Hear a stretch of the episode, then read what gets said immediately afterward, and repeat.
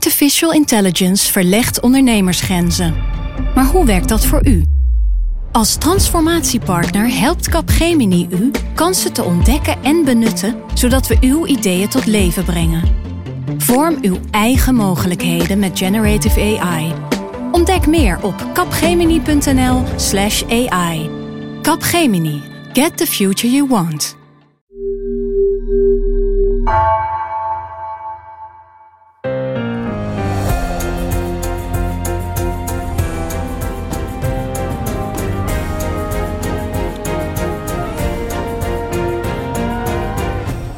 Dit is Haagse Zaken van NRC. Mijn naam is Floor Boon. En dat zal voor heel veel luisteraars een behoorlijke verrassing zijn om hier niet Lemmia te horen, die hier altijd Haagse Zaken uh, presenteert. Maar mij de komende dagen en ook volgende week uh, samen met Lemmia deze speciale verkiezingsedities van uh, Haagse Zaken. Het is vandaag 9 maart. Het duurt nog zes dagen voor de stembureaus opengaan en eigenlijk nog acht dagen voor de grote verkiezingsdag. En tijdens deze campagne zijn we iedere dag even bij je vanaf de grote redactietafel of de vergadertafel van de Haagse redactie. Daar zitten we nu ook. En vandaag zit ik hier met Pim van der Dol en met Jos Verlaan. Goedenavond. Goedenavond. Welkom. Uh, jullie zijn de afgelopen dagen het land ingegaan. Gelukkig, het kan nog. En ik begin even bij jou, Pim. Welkom. Dank je. Jij was mee met Rood, de jongere afdeling van de SP. Um, en je bent mee geweest in Nijmegen, als ik het goed heb. Ja, dat klopt. Um, we moeten eigenlijk zeggen de voormalige jongerenafdeling, want uh, ze zijn een beetje losgeraakt van de SP. Uh, maar ik ging toch met ze flyeren, omdat um, ondanks dat ze dus een conflict hebben, uh, ze zich nu nog wel in de campagne ook inzetten uh, voor de SP. Dus ze zijn inderdaad gewoon een campagne voor de SP aan het voeren. Ja, want er is een conflict, dat is recent ontstaan. Waar gaat dat om? Ja, dat is eigenlijk in dit najaar begonnen. Um, en het belangrijkste is eigenlijk dat het eigenlijk gaat over de positie van Rood ten opzichte van de SP. Binnen Rood uh, waren er een aantal nieuwe bestuursleden gekozen, onder wie de nieuwe voorzitter, Olaf Kemerink, uh, die uh, meer van nou ja, het communistische gedachtegoed ook is. Nou, dat ligt bij de SP heel gevoelig. de SP vond dat eigenlijk geen goed idee dat Rood een beetje met die gedachten ging flirten. En het ging er ook over dat Rood eigenlijk wat meer ja, los wilde komen van de SP, wat meer eigen standpunten wilde kunnen innemen. Bijvoorbeeld over de vraag of de SP moet gaan regeren. En daar waren ze bij de SP ook niet zo blij mee. Dus daar gaat het conflict eigenlijk over. Ja, want Marijnissen heeft meermaals gezegd, die wil graag regeren. Rood wil dat niet? Nee, die jongeren van Rood die vinden dat eigenlijk een slecht idee. En zeker zolang uh, de SP geen grote partij is. Uh, en mogelijk alleen maar kan aanschuiven, bijvoorbeeld bij, in een regering met de VVD. Zeggen deze jongeren eigenlijk, nou, dat, uh, dat moeten we zeker niet willen. En is Rood als jongere partij nou op een ja, nauwere manier verbonden met moederpartij SP dan andere jongere partijen van politieke partijen? Ja, dat, dat was dus eigenlijk altijd wel zo. Dus uh, ja, Rood was toch echt wel onder de vleugels van de SP. Uh, wat, wat, ja, wat meer rechtstreeks verbonden met, met de moederpartij dan soms bij andere partijen het geval is. Uh, en nou ja, daarom hadden ze bijvoorbeeld ook, kregen ze ook financiële steun altijd van de SP, ook bijvoorbeeld voor de campagne. En ja, die is dus een paar maanden geleden echt helemaal stopgezegd. Dus, uh... Maar goed, ze zijn toch aan het flyeren geslagen. Je was erbij. Was de voorzitter daar ook bij? Ja, zeker. de, bij de SP gerooieerde voorzitter dus, Olaf Kemerink, die was ook aan het flyeren in Nijmegen. En hij, nou ja, hij vertelde wat hij van de ontstaande situatie vindt. Tuurlijk, er is nu op dit moment een conflict en dat is jammer. Uh, dat is zeker dat het ook vlak voor de verkiezingen ja. uh, zo moet gebeuren. Ze hebben mij dus wel uit de, uit de SP gezet, maar ja, ik vind nog steeds dat de SP uh, de beste partij is op dit moment en daar voer ik graag campagne voor. Er wordt ook vaak gezegd hè, dat, nou, in coronatijd is het dus heel moeilijk voor partijen om hun kiezers heel direct te bereiken vanwege alle maatregelen. Maar over die SP wordt vaak gezegd dat het voor die partij extra moeilijk is, omdat zij zo'n ja, uh, stevige traditie hebben van langs de deuren gaan. Maar ik zou ook denken, hebben ze niet in al die jaren zo'n trouwe achterban opgebouwd dat die mensen daar wel begrip voor hebben en alsnog gewoon op de SP zullen gaan stemmen? Nee, ik denk dat het toch wel een, echt een probleem is voor de SP. Uh, eigenlijk om twee redenen. De SP heeft altijd wat te lijden onder een lage opkomst. Um, bij deze verkiezingen wordt natuurlijk toch een lage opkomst, ook vanwege corona verwacht. Dat misschien sommige mensen niet durven, durven stemmen. Uh, en ja, de SP-achterban is toch wat minder trouw dan die van andere partijen. Dus het, is voor de partij echt een nadeel dat ze die nu niet echt ja, fysiek ook kunnen opzoeken. En de SP heeft al langer ook moeite toch om jonge kiezers te trekken. Ja, goed. En uh, nu is Rood natuurlijk juist de, de, de afdeling die ook hen moet mobiliseren. En dat ligt nu allemaal lastig. Ja, over die campagnes ook, die dus, hè, waarvan we met elkaar hier vaak zeggen van, is het nou dit jaar zo anders dan andere jaren vanwege de pandemie, vanwege coronamaatregelen? Om een beetje gevoel te krijgen hoe deze campagne zich nou verhoudt tot eerdere campagnes, heb ik even gebeld met iemand die we toch wel onze redactiemastodont uh, kunnen noemen. Hij is inmiddels gepensioneerd, uh, namelijk met Mark Kranenburg. Met Mark Kranenburg. Hey Mark, Floor hier. Hey Floor, hi. Hey, hallo. Wat goed dat je opneemt. Hey, ja, we, ik bel jou namelijk, want uh, we hebben het er hier op de redactie en nou ja, ik denk ook op andere plekken wordt er best wel over gesproken dat deze verkiezingscampagne door corona, pandemie eigenlijk uh, toch wel heel anders is dan anders. En jij bent toch wel onze campagneveteraan, zou je kunnen zeggen. Ik bedoel, je hebt, als ik het goed heb, vanaf de jaren tachtig ergens in Den Haag gewerkt tot je pensioen afgelopen december. Klopt dat? Ja, ja met een paar onderbrekingen hoor. Zo erg was het nog net niet. Maar uh, ja, maar het grootste deel van de tijd wel, klopt. Nou ja, dan, dan kunnen we jou denk ik wel met recht een veteraan noemen. Hoe, hoeveel campagnes heb jij verslagen vanuit Den Haag? Dat ben ik laatst eens even nagegaan, want dat wilde ik zelf ook wel eens even weten. En hè, dat ik ze echt verslagen heb. Mijn eerste campagne was in 1982 voor wow. En de laatste was uh, vier jaar geleden, in 2017. En nou, wat ik zei tussentijds, ik wel eens even weg. Maar ik heb in totaal zo'n tien campagnes gedaan. Allemaal Tweede Kamerverkiezingen of heb je het dan ook Allemaal de gemeenteraad? Ja, goed. En, en dan heb je de gemeenteraad. Nee, die tel ik even niet mee. En provinciale staten. Nee, maar gewoon voor de Tweede Kamerverkiezingen, dat waren er tien. Nou, kijk, dan ben jij ook degene om deze vraag aan te stellen. Heb jij ook die indruk dat het anders is nu dan anders? Of is het eigenlijk vooral iets wat misschien journalisten signaleren? Ja, bij, ik heb wel de indruk dat journalisten elkaar een beetje aanpraten. Dat het helemaal niks is. Want de campagnes waren al aan het veranderen. En, en bedoel, het, het, het, er wordt dan steeds verwezen, ja, alles is op televisie. Maar goed, dat was vier jaar geleden ook al zo. En, en, en, en in 2012 was ook wel zo. De televisie is gewoon veel belangrijker geworden. En dat campagnes zich op straat afspelen. Tuurlijk, je zag wel marktkraampjes en winkelcentra. Je, zie, je zag wel politici rondlopen. En dat zie je nu niet. Maar het, het, het, het, het grootste deel van de campagne was altijd al uh, verschoven naar de, naar, de, naar de televisie. Ja, maar juist hè, de, zeg maar gewoon die interactie met de kiezer voor partijen, de deuren langs, flyers uitdelen. Dat was natuurlijk iets wat journalisten ook, hè, waar ze bij waren, maar wat ook heel belangrijk was voor partijen om die kiezers te bereiken. En dat kunnen ze nu niet. Nee, dat, dat kunnen ze niet. En uh, nou, nogmaals, dit, dit is meer dat, dat, dat ze daarmee attenderen dat er verkiezingen zijn. En dat uh, als, als, als mensen dan een. Uh, een, een, een, politieke grootheid zien, dan, uh, ja, dan slaan ze dat toch in het achterhoofd uh, op. En dan denkt ze, oh, dat is, dat is aardig.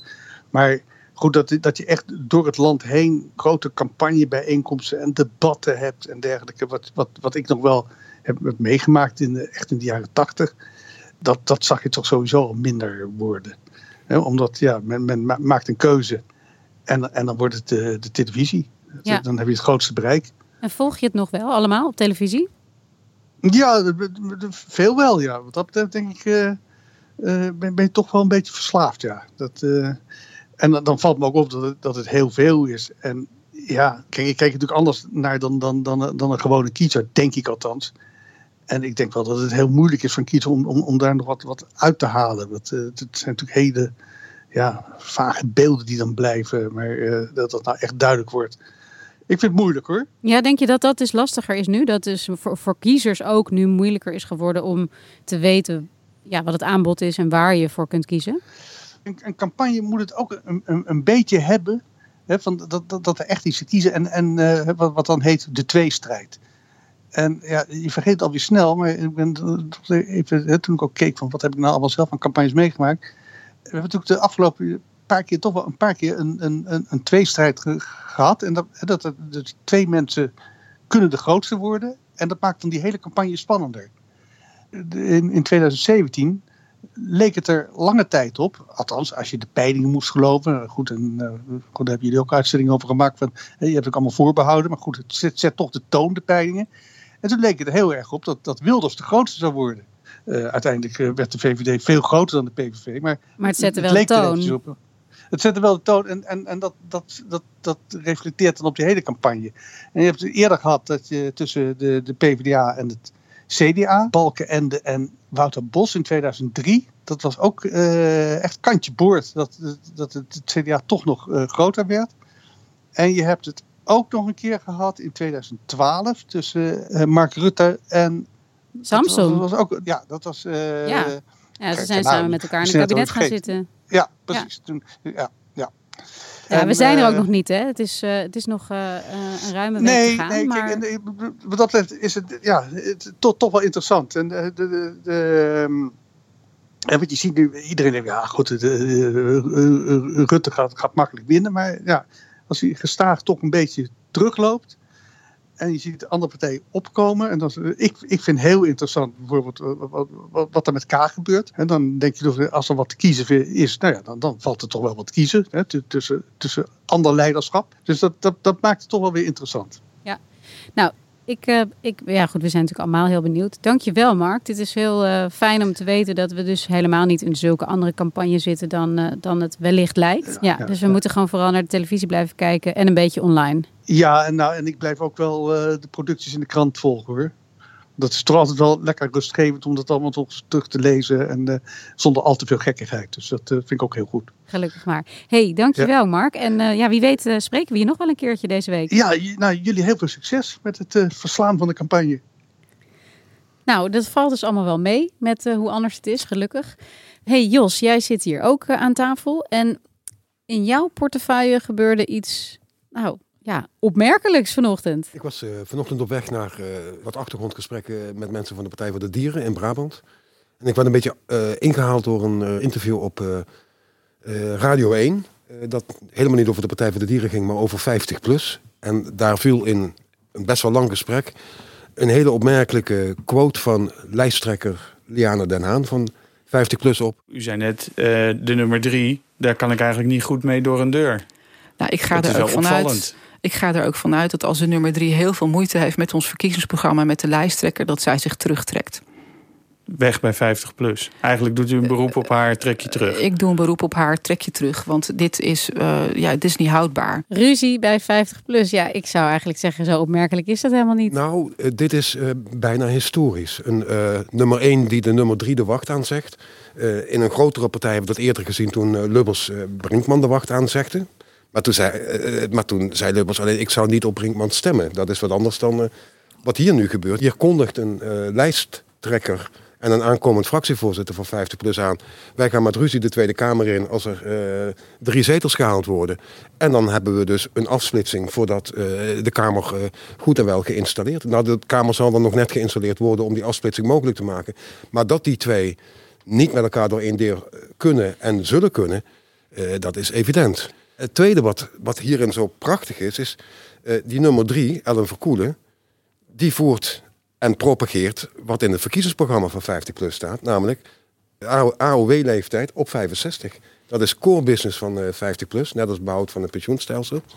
En zij houdt daaraan vast. En dat wordt haar door de lijsttrekker verweten, want de lijsttrekker heeft, nadat het verkiezingsprogramma is vastgesteld, is ze gaan uh, marchanderen met wat nou eigenlijk AOW op, op 65-jarige leeftijd is.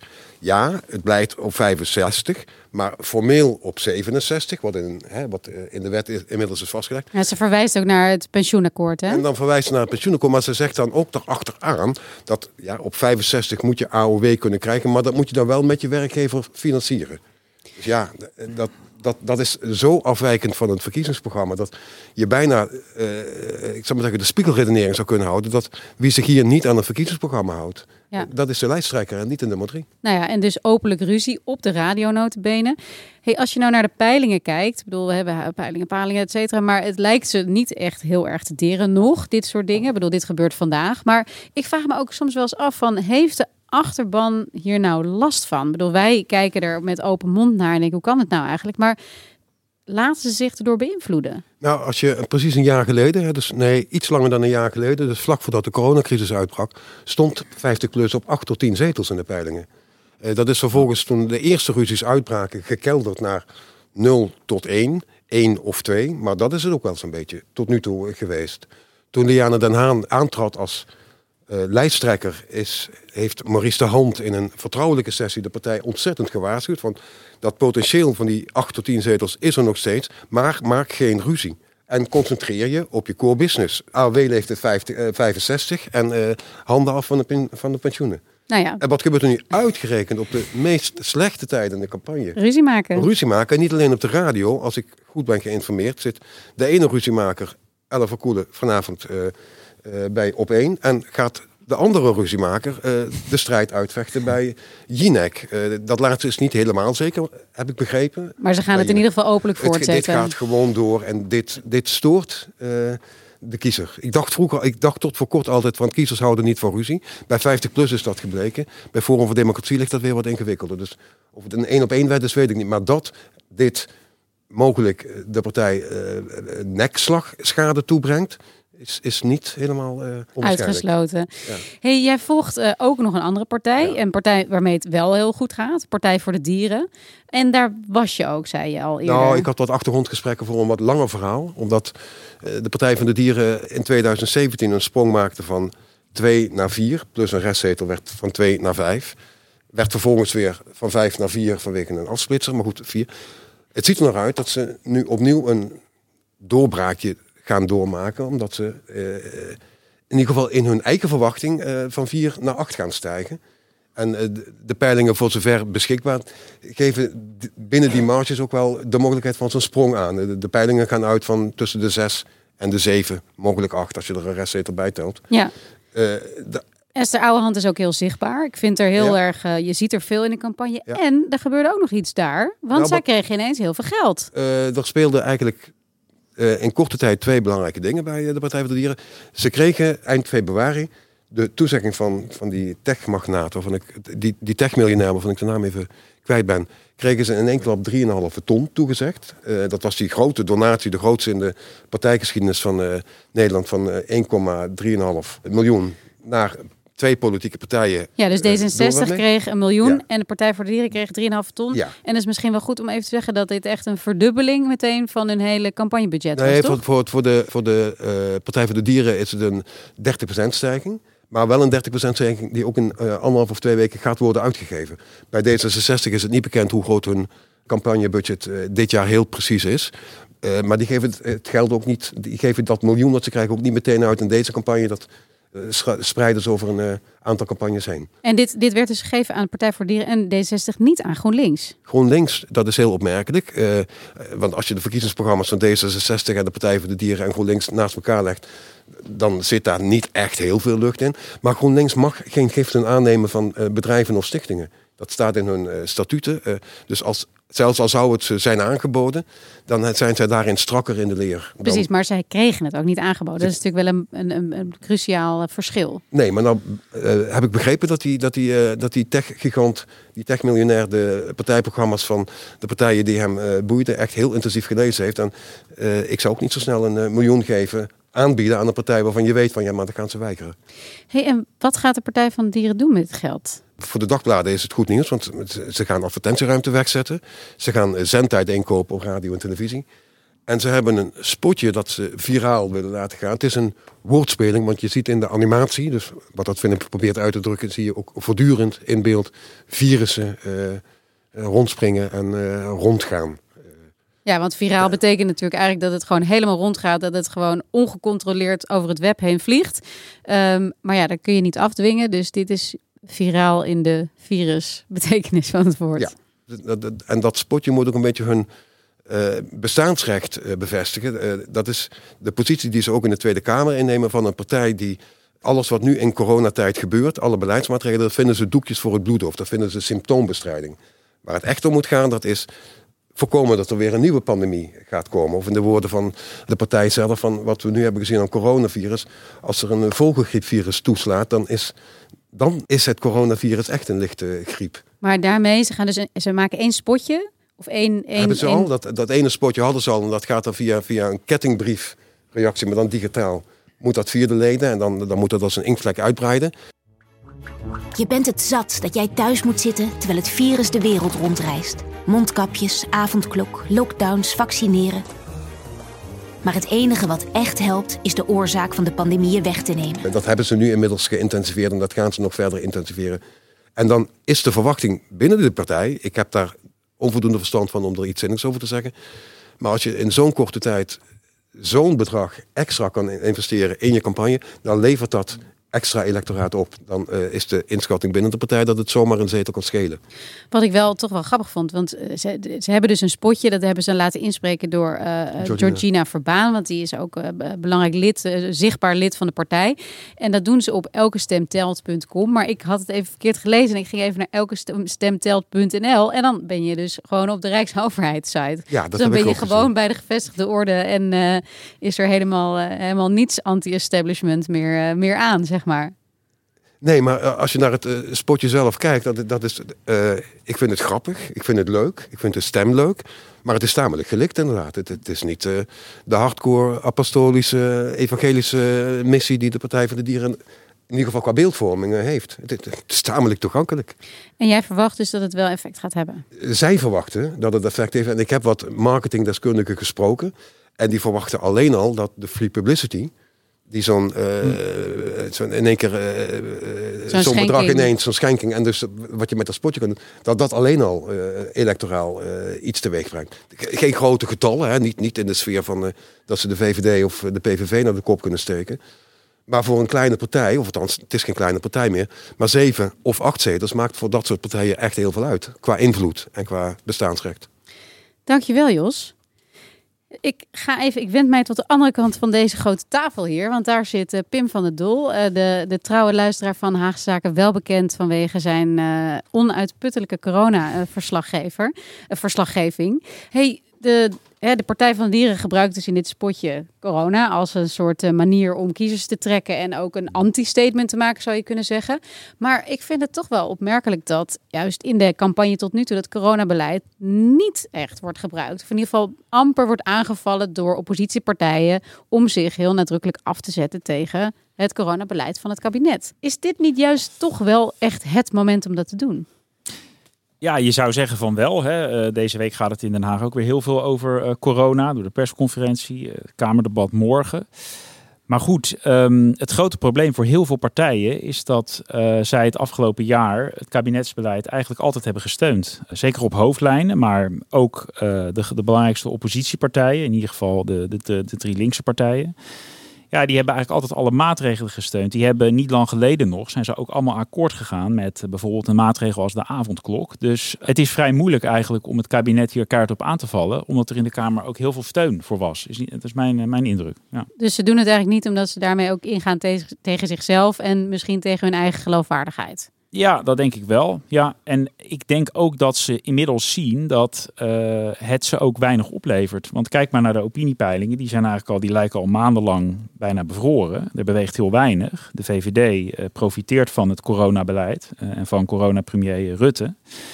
Maar ja, alle aanvallen, er is ook best wat kritiek geweest in de Kamer natuurlijk, met name op de uitvoering. Denk aan vaccinaties, testen, andere zaken. Uh, ja, het levert gewoon electoraal bijna niks op. Uh, mensen lijken, kiezers lijken heel erg te begrijpen dat het kabinet fouten maakt.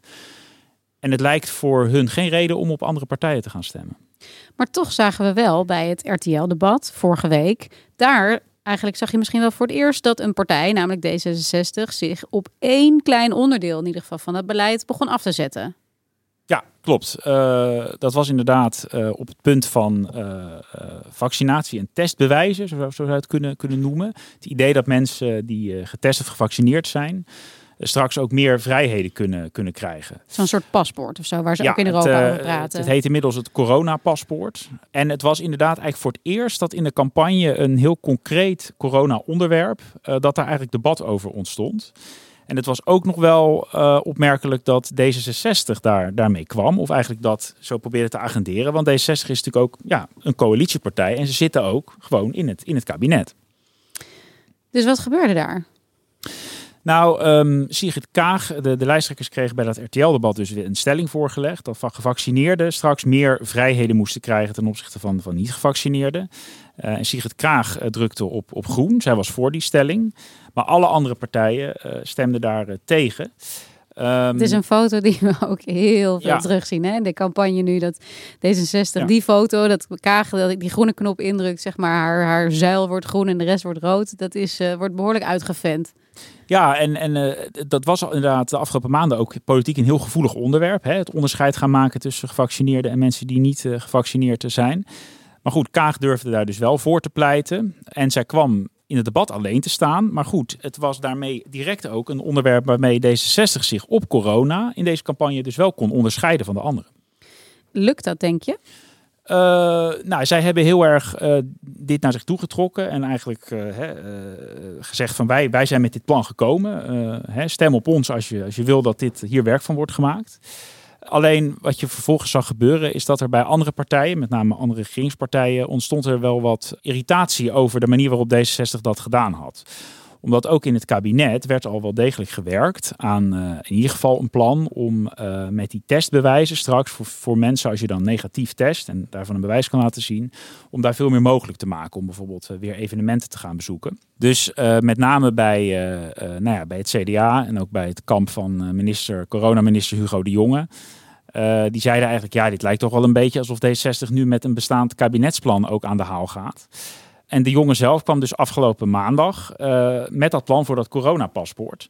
En dat, ja, dat leek in de praktijk ook wel weer verdacht veel op wat D66 inderdaad in die debatten ook had voorgesteld. Dus ze hebben er puntjes mee gescoord en nu wordt het eigenlijk ja, in ieder geval gezien en omarmd als een nieuw plan dat het kabinet ja. op termijn gaat uitvoeren. Ja, er is eigenlijk een beetje strijd over wie het nou, uh, hè, wie het nou bedacht heeft en wie er nou intern uh, in het kabinet zeg maar, uh, het meest aan getrokken heeft om het nu ook mogelijk te maken.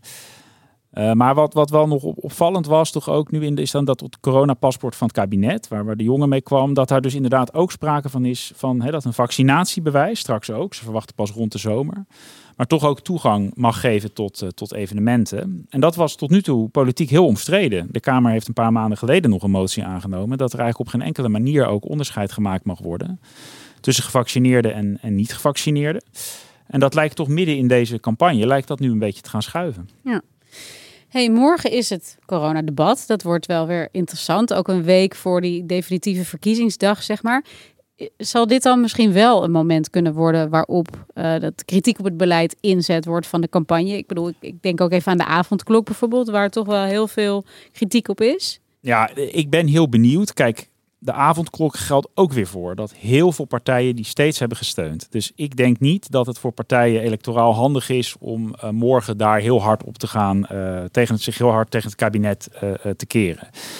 Um, ik verwacht wel dat het debat morgen eigenlijk veel meer een echt verkiezingsdebat wordt. en dat het niet alleen maar meer over die coronamaatregelen zal gaan. Dus dat partijen uh, ondanks dat officieel het onderwerp corona is, hè, zich echt zullen proberen te profileren uh, op wat zij bijvoorbeeld aan alternatieven hebben als het gaat om de gezondheidszorg. Hè. We, hoorden dat de SP met een tienpuntenplan voor een betere gezondheidszorg gaat komen. Ik denk dat, dat het debat dus echt zal worden verbreed.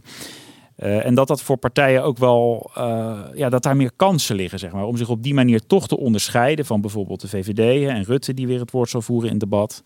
En dat, nou ja, dat daar meer kansen liggen dan, uh, dan het puur alleen weer op die maatregelen te houden. Een beetje onder de kapstok van corona misschien. Bijvoorbeeld de zorg, hoe die dus in de toekomst misschien beter zou moeten worden ingericht. Maar dan heel erg gericht op een eigen visie in plaats van tegen dat kabinetsbeleid. Ja, en wie dat eigenlijk al heel lang heel slim doet, is bijvoorbeeld Geert Wilders. Uh, hij, hij gebruikt die coronadebatten al veel langer om zich bijvoorbeeld af te zetten tegen de VVD. Ja, ik verwacht dat morgen wel uh, dat, dat, nog meer, dat we dat nog meer gaan zien.